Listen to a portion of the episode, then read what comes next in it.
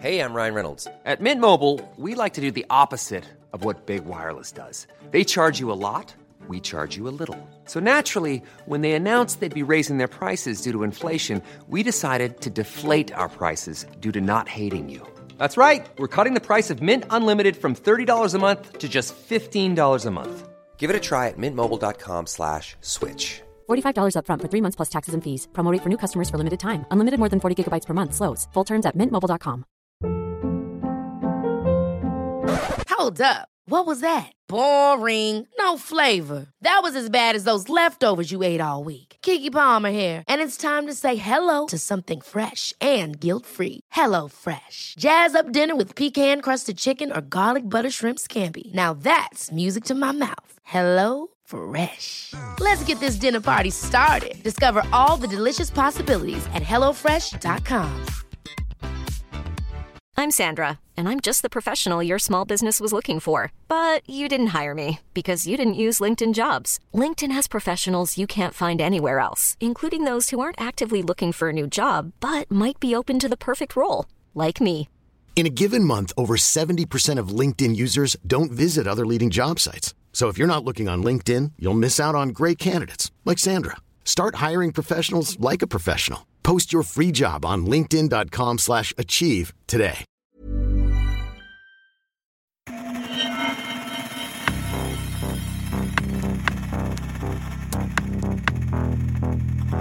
Expect more attacks on the government. They caused a lot of damage. On any computer crime, you want to look for the digital footprints. Dataintrång där interna handlingar läckte The ut. shadowy group behind the hacking attack on the Federal Reserve. Breaking into files. Beskriver dataintrången så mycket avancerade. This is just the beginning. We will respond, respond, respond, respond. Nätets mörka sida. Sanna historier om brottslighet på internet.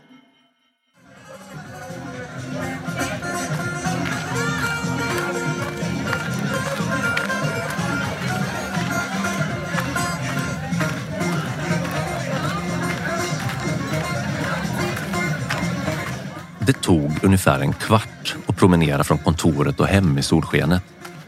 Ehud Misrai öppnade porten och gick med raska steg upp för trappan till sin lägenhet som låg på tredje våningen i ett stort lägenhetskomplex i utkanten av det trendiga bostadsområdet Florentin i Tel Aviv i Israel. Hela Florentin är nog lite grann som man kan tänka sig att Berlin kanske var på 80-talet. En smältdegel av konstnärer, musiker och mängder av andra olika kreativa människor. Ehud var som hämtad ur en Dressman-reklam. Han var vältränad, lång och reslig i 55-årsåldern med snyggt trimmat kort skägg, figursydd kostym och italienska designerskor.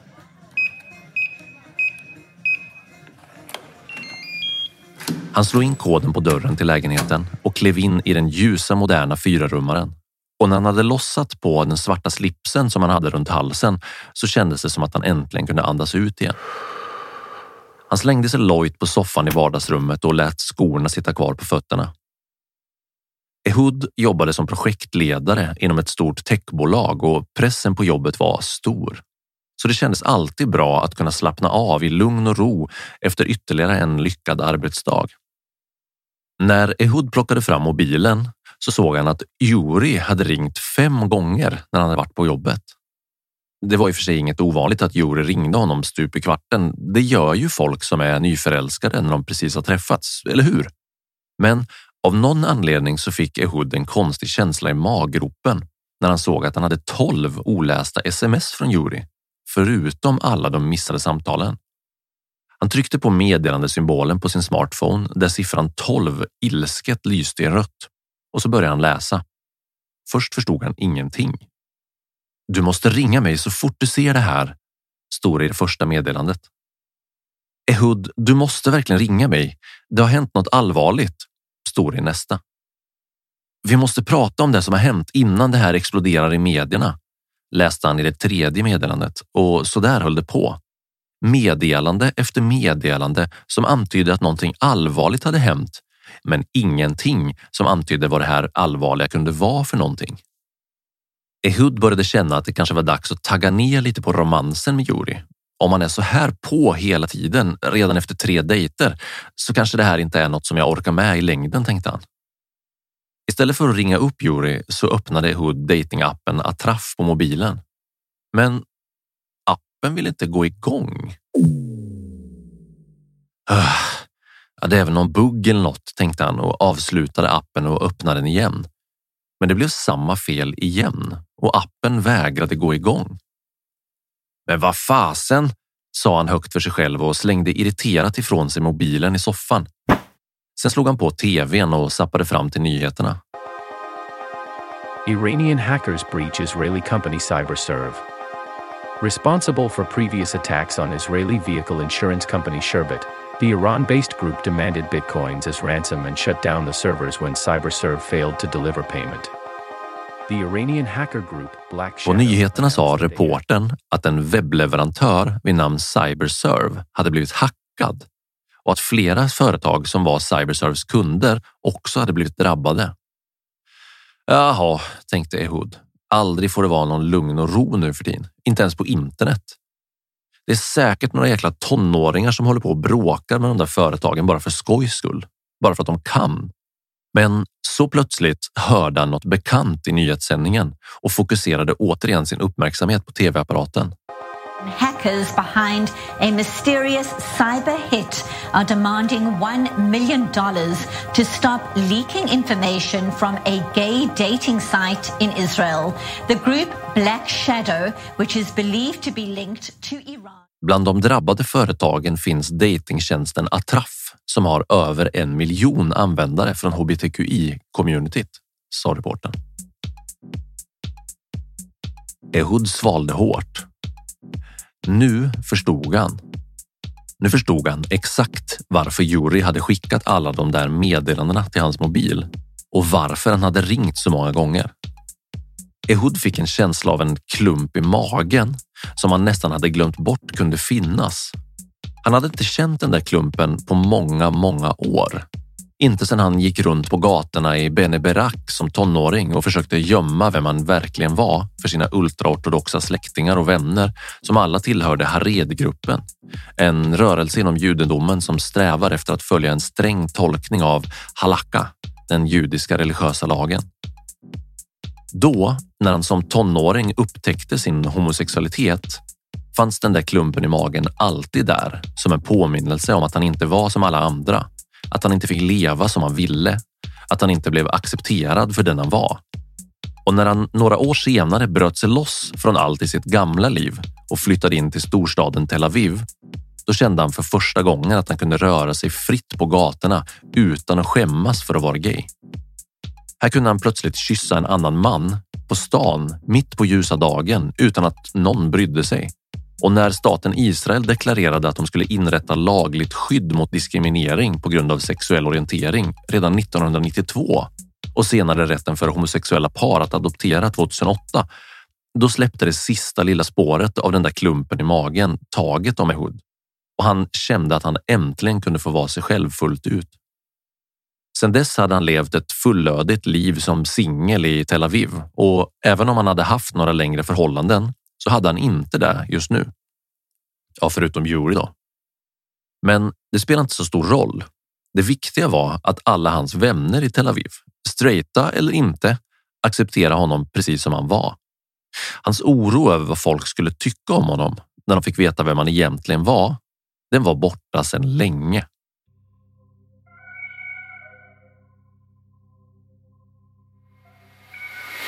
Men nu kände han hur den där klumpen började komma tillbaka.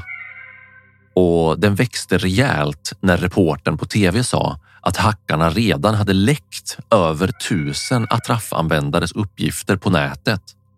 Plötsligt kunde vem som helst gå in och läsa om de här användarnas relationsstatus, deras sexuella preferenser, deras hiv-status, vilka resor de hade gjort, deras privata meddelanden och en massa annan privat information som användarna hade lagt upp på Atraf. Ehud svalde hårt igen. Han insåg att det inte var för hans egen skull som klumpen i magen hade dykt upp igen. Han som hade ett välbetalt jobb, vänner som accepterade honom och ett socialt skyddsnät som struntade fullständigt i om han var gay eller inte om han var i en relation eller inte med en annan man. Han hade ju inget att oroa sig över. Även om hackarna skulle läcka hans personliga information så kunde ju det kvitta, tänkte han. Men som sagt, klumpen i magen dök inte upp för hans egen skull, utan för Juris skull.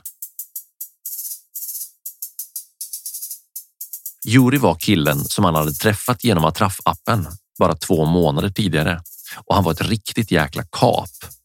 Ung, bara 35 år gammal, intelligent, vacker och med många intressen som matchade Ehuds egna. Men det fanns en hake. Juri hade inte kommit ut.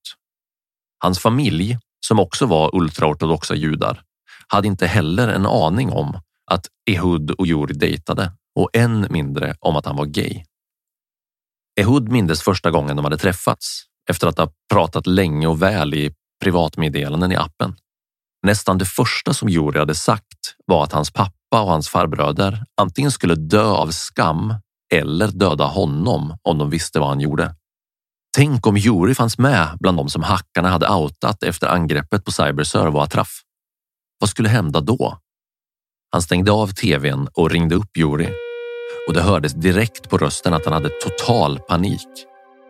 Var är du? frågade Ehud. Jag vet inte, sa Juri med ansträngd röst. Jag bara sprang ut ur huset när jag fick veta vad som hade hänt. Jag tog inte ens med mig någon packning. Jag bara visste att jag inte kunde vara kvar där längre. Inte nu när alla vet. Fy fan, det var inte så här jag ville att det skulle bli.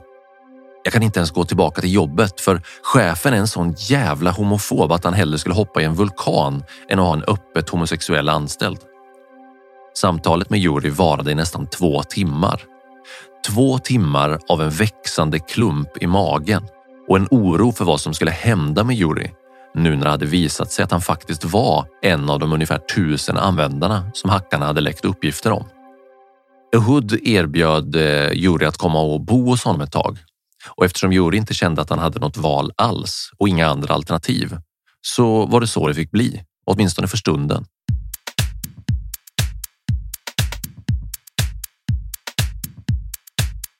Två veckor senare hittade Ehud Juris döda kropp ute på balkongen hängandes i en båtlina från våningen ovanför. Hans hud var gråaktig och huvudet hängde ner mot golvet. På det lilla balkongbordet bredvid askkoppen så låg en liten lapp där det stod Förlåt. Jag önskar att jag vore lika stark som du. Samma dag som Juri tog självmord släppte den iranska hackergruppen Black Shadow ut alla de andra Atraf-användarnas information på nätet, inklusive Ehuds information. Sammanlagt var det över 690 000 e-postadresser och över en miljon användare som outades inför hela världen utan att ges ett val om vem eller vilka som skulle få veta. När det var dags för Juris begravning var de enda som dök upp Ehud och Juris yngre syster Janina. Det här är nätets mörka sida med mig, Marcus Borsklev.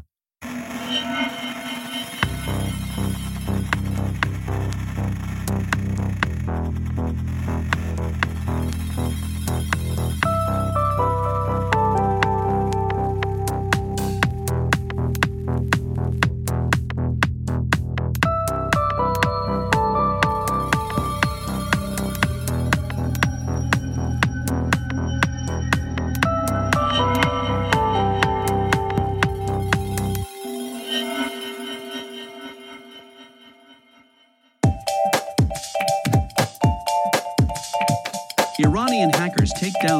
of Israel. Black Shadow hacked the servers of Israeli web hosting company CyberServe.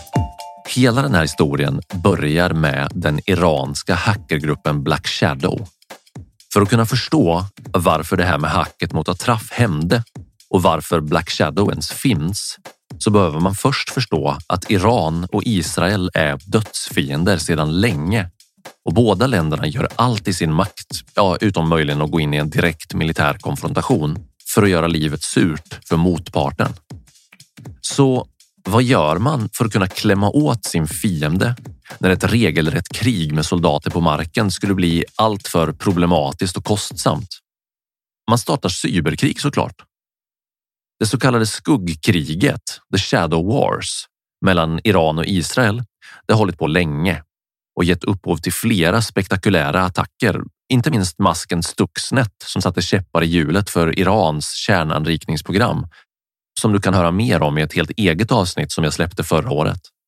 Men det har hänt så mycket mer. Det finns så otroligt många aspekter att väga in när man pratar om varför Iran och Israel ständigt är i konflikt. Det finns religiösa orsaker, politiska orsaker, ideologiska orsaker och inte minst Israels stöd och samarbete med USA som länge har retat gallfeber på mullorna i Teheran. Och det är kanske i ljuset av det här ständigt pågående skuggkriget mellan Israel och Iran som vi ska söka orsaken till varför hackergruppen Black Shadow angrep det israeliska bolaget Cyberserve som i slutändan ledde till att användarna på Atraf fick sina liv utfläkta på internet till allas beskådan. Black Shadow är nämligen en iransk hackergrupp som misstänks ha kopplingar till den iranska staten. Känner vi igen mönstret här kanske? En statssponsrad hackergrupp från en skurkstat som gör livet surt för oskyldiga människor. Ja, det gör vi. Sånt här dyker upp hela tiden, men det vi oftast läser om är kanske mer spektakulära, större attacker där hackarna kommer från Ryssland eller Kina.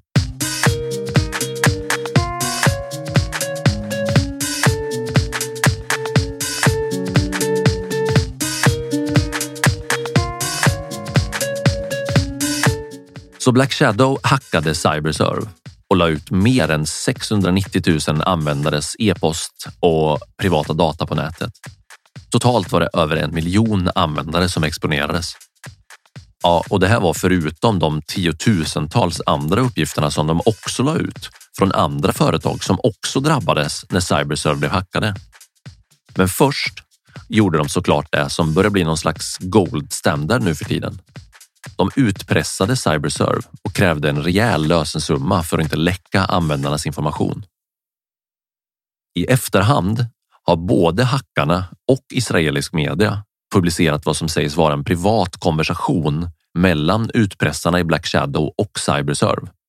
Och där kan man läsa att representanterna för Cyberserve faktiskt försökte möta hackarnas krav till en början och betala en lösensumma på först en kvarts miljon dollar i bitcoin som hackarna bara skrattade åt.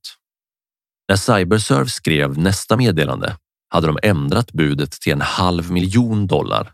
Men hackarna stod benhårt fast vid sitt ursprungliga krav på en miljon dollar som skulle överföras till en bitcoin-plånbok som inte gick att spåra. Jag vill poängtera här att Cyberserve aldrig har gått ut och bekräftat att den här konversationen är äkta, så det finns en risk att det här är något som hackarna har kokat ihop bara för att ge Cyberserve dålig publicitet. Inte minst eftersom standardsvaret från i princip alla IT-säkerhetsbolag och talespersoner, inklusive mig själv, är att man aldrig någonsin ska betala lösensummor till hackare eftersom det ger incitament till fler attacker. Men jag måste vara ärlig och säga att om den här konversationen är en bluff så har de i alla fall lyckats lura mig. När jag läser den här konversationen så här i efterhand så kan jag riktigt känna desperationen hos Cyberserves representant i samtalet. Det börjar ganska torrt och formellt med att de erbjuder ett bud till hackarna. Men det är som att prata med en vägg. Hackarna retas och skickar smileys men står hela tiden fast vid sina krav. Och ju längre fram i konversationen man läser, desto mer nervös blir tonen från Cyberserve. Först börjar de tjata på hackarna om att det här är vårt sista bud. Det är bäst att ni tar det. Och sen höjer de ändå budet flera gånger till. Men det är i slutet av diskussionen som det märks att det verkligen börjar uppstå panik på Cyberserve när de inser att hackarna verkligen inte kommer att ge sig och att de inte har någon chans att skydda sina användare från att få sin information exponerad.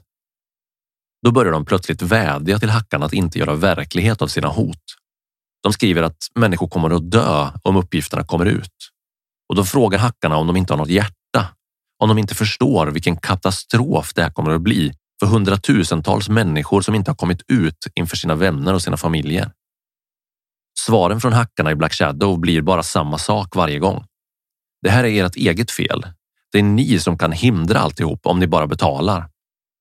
Om människor råkar illa ut så beror det på er snålhet, inte på oss. När Cyberservs representant skriver att människor både kommer att bli misshandlade, utstötta och ta självmord om uppgifterna läcker ut, så säger hackarna bara ja, men betala då. Sen tar konversationen slut efter att Cyberserve har vädjat till hackarna att hålla den här konversationen privat. Någon dag efter att användarnas uppgifter sedan läckte ut så publicerades även den här diskussionen först av hackarna själva och sen av i stort sett varenda etablerad tidning i hela Israel. Gillar du den här podden? Skulle du vilja höra fler avsnitt? Då vill jag be dig att stödja nätets mörka sida på patreon.com. Som Patreon så får du tillgång till mängder med exklusivt material som till exempel unika bonusavsnitt som inte är tillgängliga för allmänheten. Behind the scenes videos, merchandise och en massa annat kul. Men framför allt så hjälper du mig att göra fler och bättre avsnitt genom att stödja podden på Patreon. Jag lägger ner någonstans mellan 30 till 60 timmar per avsnitt för att skriva manus, göra research, spela in, komponera musik och redigera. När du stödjer nätets mörka sida på Patreon så bidrar du till att jag kan fortsätta göra intressanta avsnitt som du kan lyssna på. Gå in på www.patreon.com Slash natets mörka sida och upptäck allt som du får tillgång till som Patreon. www.patreon.com natets mörka sida. Länken finns också i infotexten till varje avsnitt av podden. Tack för ditt stöd.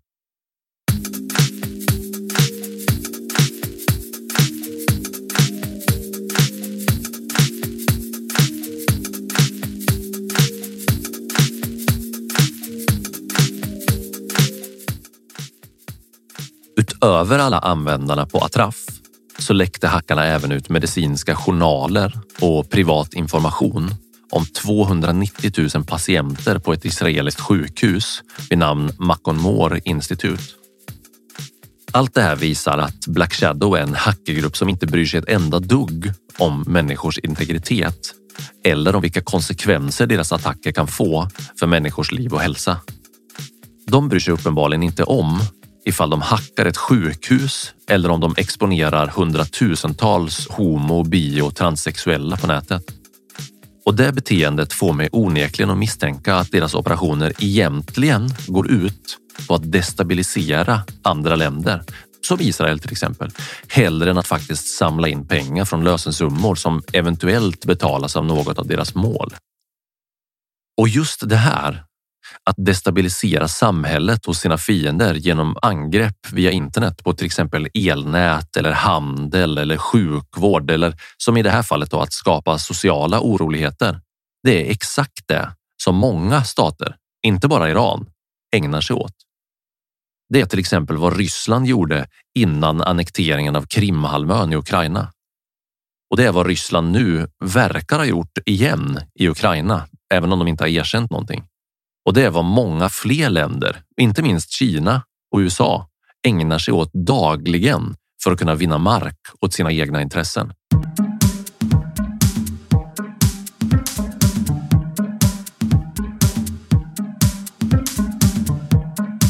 Jaha, men vad hände sen då?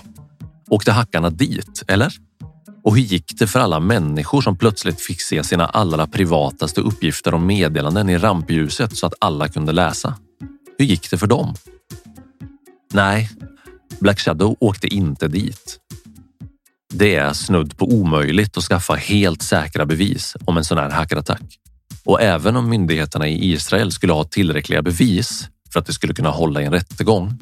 Hur skulle de lyckas få hackarna utlämnade från sina fiender i regimen i Iran, som förmodligen var de som beställde attacken från början. Det kom inte att hända helt enkelt. Så kvar stod attraffanvändarna nakna och oskyddade i skam över informationen som hade läckt ut. Efter att ha varit en grundbult i det israeliska hbtqi-communityt sedan 2002 så var nu Atraf borta Både appen och hemsidan är offline i skrivande stund i januari 2022. Atraff var inte bara en datingapp. Den här tjänsten fungerade som en slags samlingsplattform för allt som gällde hbtqi i Israel. Som till exempel Pride-paraden i Tel Aviv, möjligheten att köpa biljetter till olika event och nyheter som berörde användarna. Flera israeliska medier har rapporterat om både självmord och lynchningar av hbtqi-personer i efterdyningarna av den här attacken mot Atraf. Även om staten Israel och kanske särskilt de israeliska storstäderna i sig är som en liten oas för hbtqi-människor i Mellanöstern så finns det fortfarande en stor del av framförallt den ortodoxa judiska befolkningen och delar av de muslimska minoriteterna som är allt annat än accepterande när det gäller allt som på något sätt avviker från den heterosexuella normen.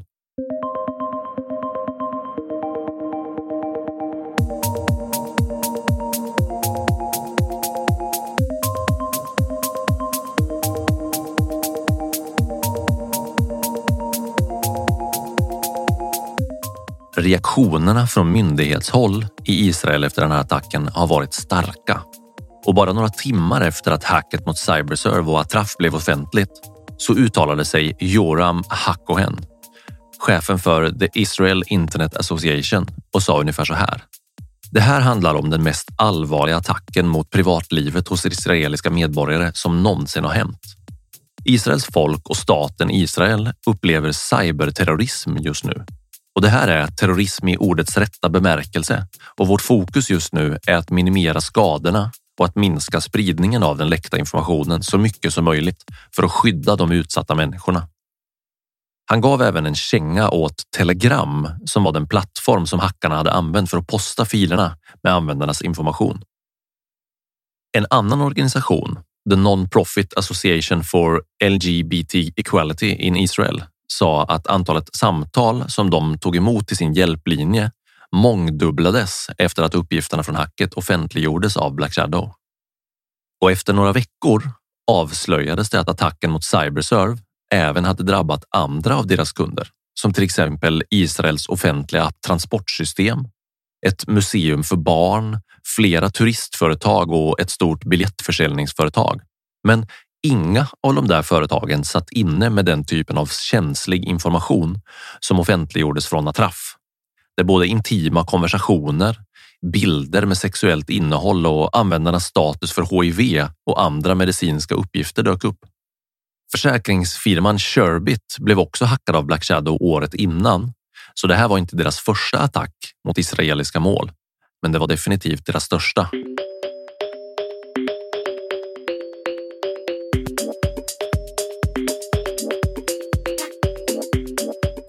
Så då kan vi fråga oss vad Cyberserve gjorde, förutom att skriva desperata meddelanden till hackarna i Black Shadow när de märkte vartåt det här barkade.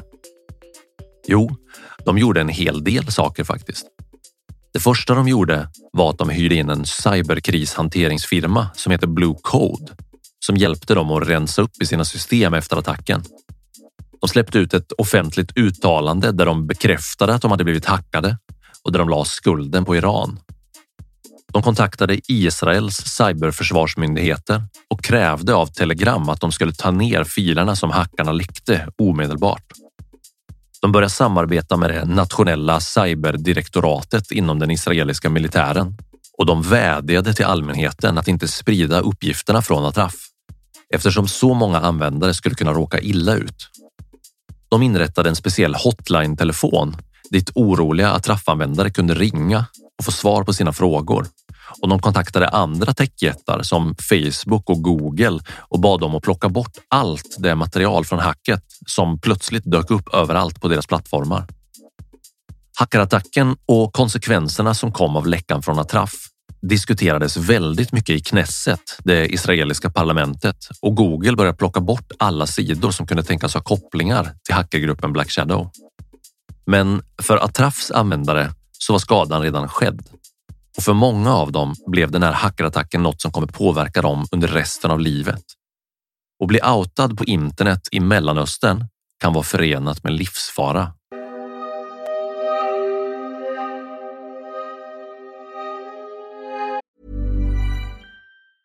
Have catch yourself eating the same flavorless dinner three days in a row? Dreaming of something better? Well, hello Fresh is your guilt-free dream come true, baby. It's me, Gigi Palmer. Let's wake up those taste buds with hot, juicy pecan crusted chicken or garlic butter shrimp scampi. Mm. Hello Fresh. Stop dreaming of all the delicious possibilities and dig in at HelloFresh.com. Let's get this dinner party started.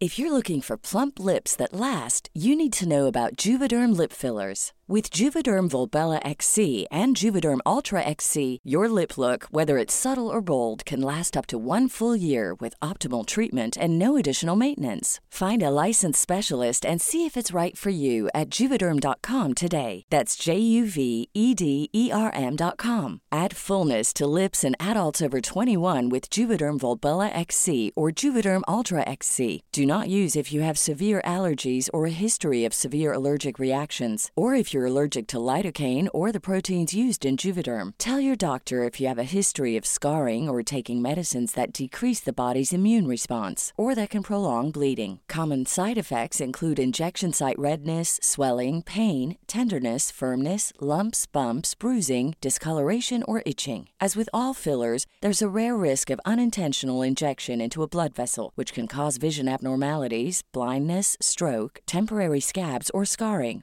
For full important safety information, visit juvederm.com.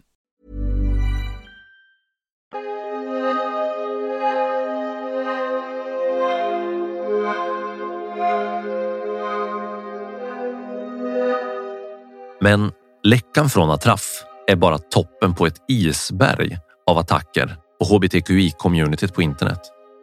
Precis som i livet utanför internet så är homo, bi och transpersoner bland de mest utsatta grupperna som en människa kan tillhöra.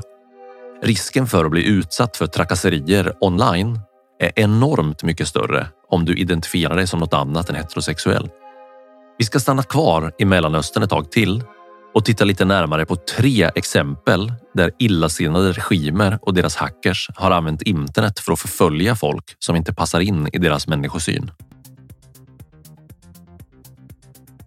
Vi börjar med Sara Hegazi, en egyptisk queerfeminist som höll i en regnbågsflagga på en konsert i Kairo med ett band som har en sångare som är öppen med att vara gay. När fotot på Sara Hegazi publicerades på Facebook så delades det tusentals gånger och kommentarsfälten fylldes av näthat mot Sara Hegazi. Bara några dagar senare inledde den egyptiska regimen en crackdown och egyptisk polis arresterade Sara Hegazi på grund av att hon hade anslutit sig till en grupp som strävar efter att störta regeringen. Förutom Sara Hegazi så arresterades många andra aktivister och över 20 andra människor som hade råkat befinna sig på konserten när bilden togs. Under de följande dagarna så följde en veritabel förföljningskampanj från den egyptiska polismyndigheten som arresterade hundratals människor som på olika sätt via internet hade fått polisen att misstänka att de antingen tillhörde hbtqi-communityt eller att de bara stödde deras livsstil. De egyptiska myndigheterna skapade fejkade profiler på Facebook, Instagram, Tinder och andra datingappar som Grindr till exempel för att komma åt folk. Och videofilmer från konserten användes för att identifiera människor som sedan greps utan pardon och kastades i fängelse utan rättegång. Så hur gick det för Sara Hegazi då? Kanske du undrar nu? Jo, efter tre månader i fängelse utan rättegång och utan häktningsförhandlingar så släpptes hon mot borgen. Hon flydde från Egypten till Toronto i Kanada av rädsla för att bli gripen igen. Och där vittnade hon i media om att hon hade blivit torterad i fängelset och att fångvaktarna hade uppmanat de andra fångarna att våldta och trakassera henne. Den 14 juni 2020 så tog Sara Hegazi sitt eget liv. Sen har vi Rania Amdouni, en tunisisk queeraktivist som deltog i de demonstrationer som pågick i Tunisien i januari 2021 mot polisvåld och mot hur myndigheterna hanterar ekonomin i Tunisien. Polisen fotograferade henne under en av protesterna och sen publicerade de bilden på Facebook tillsammans med hennes kontaktuppgifter och hennes adress och information om att hon var queeraktivist och uppmanade sedan folk att trakassera henne på internet. Det tog bara några minuter innan hennes messengerkonto var överfullt med dödshot, till och med från en parlamentsledamot i Tunisien. Och bara några dagar efter att polisen publicerade hennes information på Facebook så kom de första fysiska trakasserierna på gatan utanför hennes lägenhet i Tunis. När eh, Rania Amdouni gick till polisen för att anmäla att hon hade blivit utsatt så vägrade de att ta emot hennes anmälan och sen arresterade de henne. Och medan protesterna i Tunisien fortsatte så fortsatte också polisen att misshandla, våldta och dödshota fler och fler hbtqi-aktivister som deltog i protesterna. Och sociala medier exploderade nästan av alla inlägg där polisen outade folk och uppmanade till att trakassera dem för deras sexualitet. Utöver våldet så blev konsekvenserna av hatkampanjen på internet också att många förlorade sina jobb och blev vräkta från sina lägenheter. Amdoni hon dömdes till sex månaders fängelse och böter och hon lider fortfarande av panikångestattacker och trakasseras fortfarande dagligen, både online och där hon bor. Och till sist har vi Mohammad al-Bukhari, en jemenitisk bloggare som efter att han hade flytt till Saudiarabien deklarerade på sin blogg att han stödde lika rättigheter för alla människor, inklusive hbtqi. Och varför flydde han från Jemen då? Kanske du undrar nu? Jo, Mohammed al-Bakari flydde från Jemen efter att milisgrupper där hade hotat med att döda honom för att han deltog i aktivism på internet för allas rätt att vara sig själva. Han gick till fots över gränsen till Saudiarabien och levde sedan som papperslös flykting där. När han postade en video på Twitter och sin egen blogg om att han stödde hbtqi-rättigheter så överöstes han med homofobi från både de saudiska myndigheterna och från vanligt folk. Det gick bara någon dag efter att han postade videon innan saudiska säkerhetsstyrkor arresterade honom. Han blev anklagad för att promota homosexualitet online och för att imitera kvinnor och dömdes till tio månader i fängelse för att sedan tvångsdeporteras tillbaka till Jemen efter avsuttet straff. Säkerhetsstyrkorna höll honom isolerad i flera veckor och våldtog honom, slog honom och hånade honom innan han sattes i fängelse. Så hur gick det för Mohammed al-Bukhari då? Jo, han lever nu i Jemen igen som en isolerad paria utan anknytning till resten av samhället där. Han kan inte återvända till staden där hans släkt bor eftersom han löper stor risk att bli mördad på grund av sin sexualitet och sin aktivism.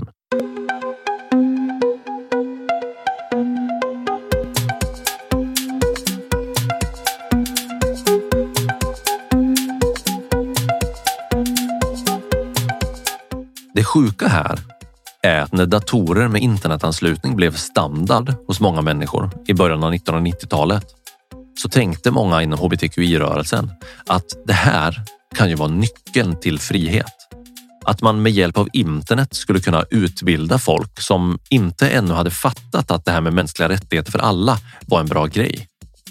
De tänkte sig att man skulle kunna samla sig, organisera sig och kanske till och med i slutändan få leva sina liv som man själv ville tack vare internets möjligheter. Och på ett sätt så hade de ju rätt. Internetrevolutionen har ju inneburit att all information om hbtqi-rättigheter har kunnat tillgängliggöras för precis alla i hela världen. Internet har ju möjliggjort för miljontals människor över hela världen att organisera sig och kämpa tillsammans mot förtrycket av hbtqi. Men internet är också ett vapen för de som kämpar åt andra hållet, som regimerna i Saudiarabien, Tunisien, Jemen och Egypten. Och där använder man istället internet på olika sätt för att förtrycka hbtqi-aktivister. Digital övervakning är inte bara ett sätt för de här förtryckarregimerna att spåra politiska motståndare. Det är också ett sätt att leta upp människor som inte passar in i de normer som regimerna vill att alla ska tryckas in i.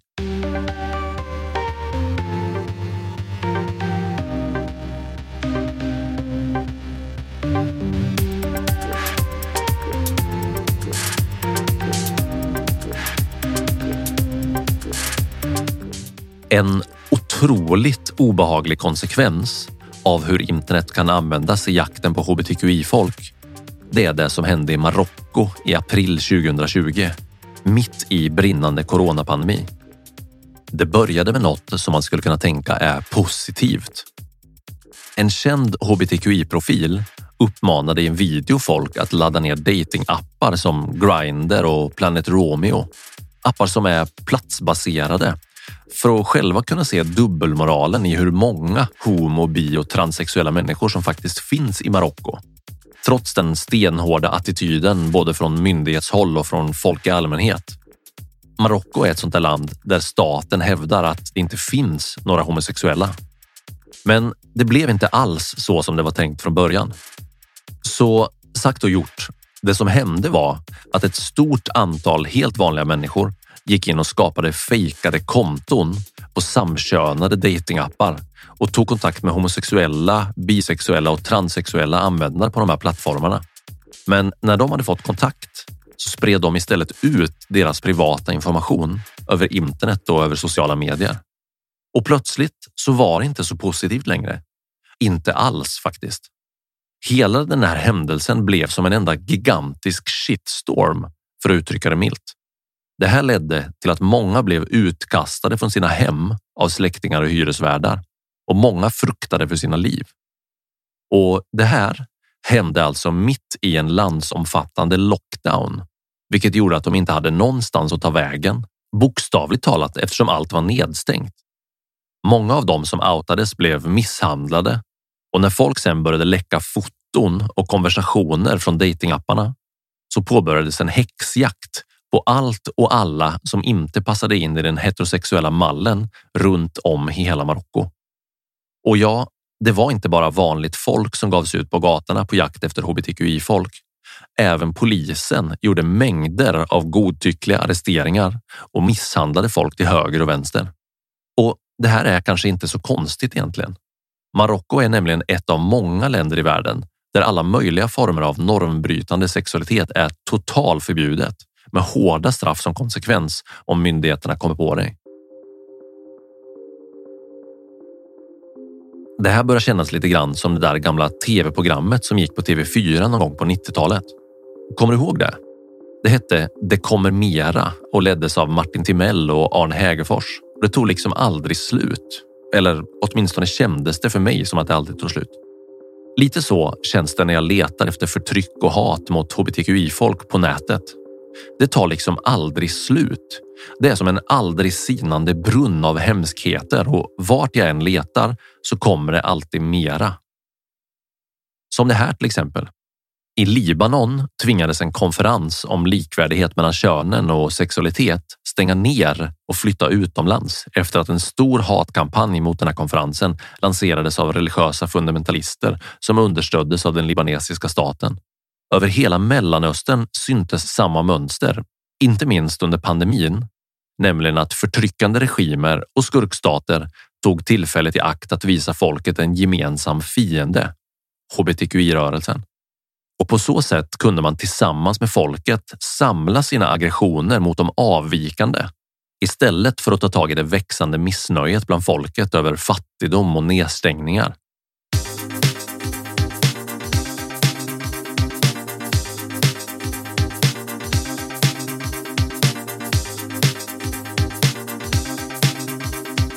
Nu kanske du tänker att ja, ja, ja, det där är ju Mellanöstern. Här i västvärlden där vi har demokrati och folkvalda regeringar och mänskliga rättigheter. Här händer ju inte sådana hemskheter, eller? Jo då, det gör det visst. Det kanske inte sker på samma uppenbara statligt sanktionerade sätt som när säkerhetsstyrkorna i Saudiarabien griper och misshandlar hbtqi-aktivister. Men förtrycket mot hbtqi på internet är i allra högsta grad levande även här. I Polen till exempel där har en stor del av kommunerna och regionerna i landet beslutat sig för att deklarera sig själva som hbtqi-fria zoner. Numera hävdar många att just Polen är det värsta landet i hela EU för hbtqi-personer att leva i. I Polen finns inget som heter hatbrott och i praktiken så saknar man som hbtqi-person många av de grundläggande mänskliga rättigheterna som alla borde ha. Det sker dagligen misshandel av hbtqi-folk på öppen gata i Polen och myndigheterna gör inte ett skvatt, för de är av samma skrot och korn som de som misshandlar. Många ministrar i Polen är öppet anti-hbtqi och det har till och med gått så långt att framstående politiker i Polen har gått ut i medierna och hävdat att hbtq-ideologin, vad det nu är, har samma rötter som nazismen. Alltså, kan man vara mer historielös än att påstå något sånt? När det just var homosexuella som fick bära den rosa triangeln i koncentrationslägren innan de mördades i tiotusental av nazisterna. Det här är ju såklart något som har gjort många andra EU-länder väldigt upprörda och efter många långa debatter inom EU så drogs en del EU-bidrag in för de delar av Polen som hade proklamerat att de är hbtqi-fria zoner. Det finns lite olika siffror på det här beroende på vem man frågar och hur studierna har gjorts. Men vart du än letar i forskningen kring hbtqi på nätet så hittar du stora skillnader mellan heterosexuella personer och hbtqi personer och hur de behandlas på nätet och i sociala medier. I hbtqi-communityt som helhet så är nästan alla studier som jag har hittat eniga om att över 80 procent har blivit trakasserade, uthängda eller fått utstå näthat och hot om våld i någon form på internet de senaste två åren. De allra flesta har blivit utsatta många, många gånger. Och tittar du närmare på gruppen som är transsexuella, då ökar siffran över de som har blivit utsatta till 93 procent.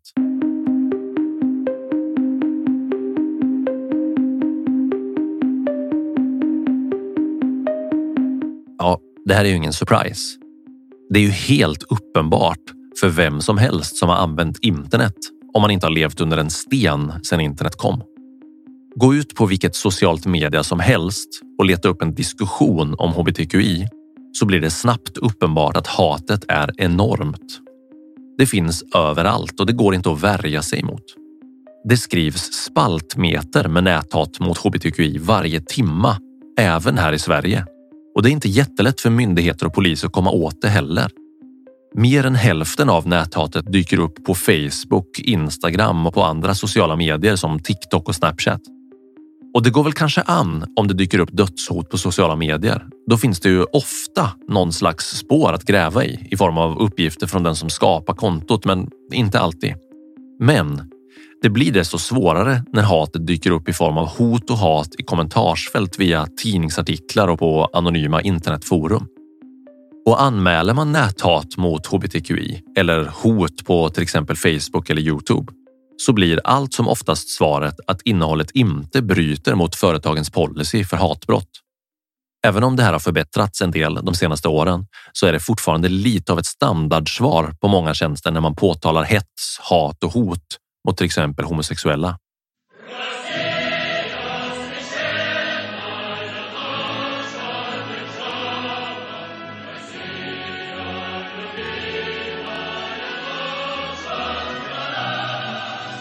Hur är det med Ryssland då? Ja, Ryssland och många av de forna Sovjetstaterna är som ett kompakt mörker för hbtqi, både på nätet och utanför. I Ryssland har Vladimir Putin sett till att få in en ny skrivelse i grundlagen som handlar om att äktenskap endast är till för män och kvinnor som gifter sig med varandra. Och sedan Putin tog över makten har förföljelserna, hoten och hatet mot hbtqi på internet svämmat över. I Tjetjenien har en våg av hatbrott och attacker mot förmodat homosexuella svept över landet de senaste åren. Och hur gör poliserna där för att hitta sina offer tror du? De stalkar dem på internet såklart. I Tjetjenien är det förknippat med livsfara att ens andas ett enda ord på sociala medier om att man kanske tycker att alla ska få älska dem man själv vill.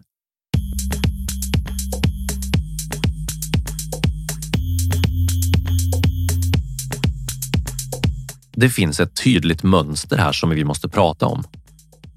I många av exemplen som jag har tagit upp i det här avsnittet så handlar det om att hbtqi-personer blir utsatta för förtryck, hat och våld av olika slag i länder där myndigheterna, polisen och staten antingen blundar för det som händer, sanktionerar det eller kanske till och med utför brotten själva. Och genom allt det här så löper en röd tråd som blir tydligare ju mer jag gräver i det. Lite förenklat skulle man kunna säga att ju sämre folkstyret i ett land är och ju sämre landet är på att ta tillvara mänskliga rättigheter, desto större verkar sannolikheten vara att landet också är riktigt kast på att värna om hbtqi-frågor och människor som avviker från normen. Det är absolut inte så att demokratier är fria från hat och hot mot hbtqi-personer. Men skillnaden är enorm mellan demokratiska länder som Sverige, där det finns ett särskilt skydd i lagstiftningen för hbtqi, och länder som Ryssland och Polen som i praktiken rör sig mer och mer mot diktatur och samtidigt så stiftar de nya lagar som gör hbtqi-personer ännu mer utsatta än vad de redan är. Och någonstans här finns kanske också förklaringen till varför det är så här. I ett samhällsklimat som är allmänt stängt, förtryckande och intolerant mot det mesta så är det nog ganska lätt hänt att intoleransen även omfattar allt som rör hbtqi.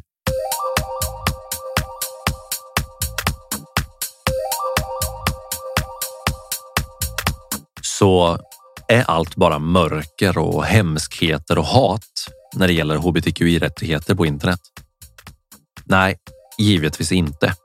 Idag finns en växande global rörelse som kämpar för allas lika rättigheter. Och även i riktigt homo, bi och transfobiska diktaturer som till exempel Eritrea eller Syrien så finns ett spirande motstånd mot det här hatet online. För eh, internet och sociala medier är fortfarande ett bra sätt att sprida information. Och det kanske bästa sättet att motverka inskränkthet, det är fortfarande genom att bilda opinion. Att utbilda människor och ge dem tillgång till information som inte har färgats av homofobi, transfobi och hat mot oliktänkande. Och den här informationen finns och sprids varje dag via internet.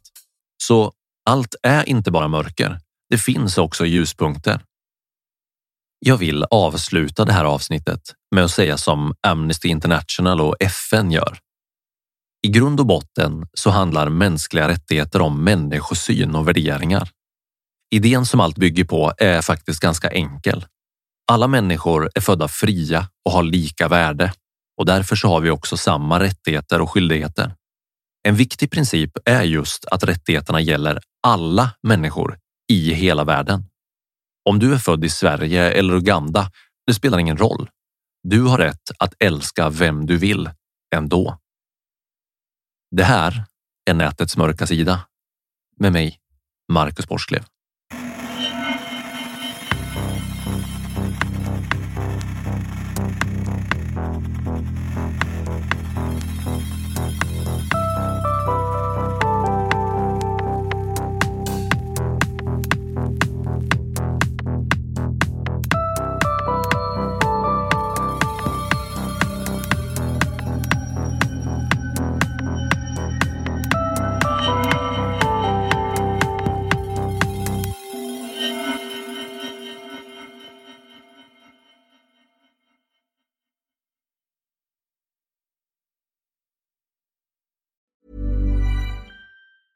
Ever catch yourself eating the same flavorless dinner three days in a row? Dreaming of something better? Well, HelloFresh is your guilt-free dream come true, baby. It's me, Kiki Palmer. Let's wake up those taste buds with hot, juicy pecan-crusted chicken or garlic butter shrimp scampi. Mm. Hello Fresh. Stop dreaming of all the delicious possibilities and dig in at HelloFresh.com. Let's get this dinner party started. Hi, I'm Daniel, founder of Pretty Litter. Cats and cat owners deserve better than any old fashioned litter. That's why I teamed up with scientists and veterinarians to create Pretty Litter. Its innovative crystal formula has superior odor control and weighs up to 80% less than clay litter. Pretty Litter even monitors health by changing colors to help detect early signs of potential illness. It's the world's smartest kitty litter.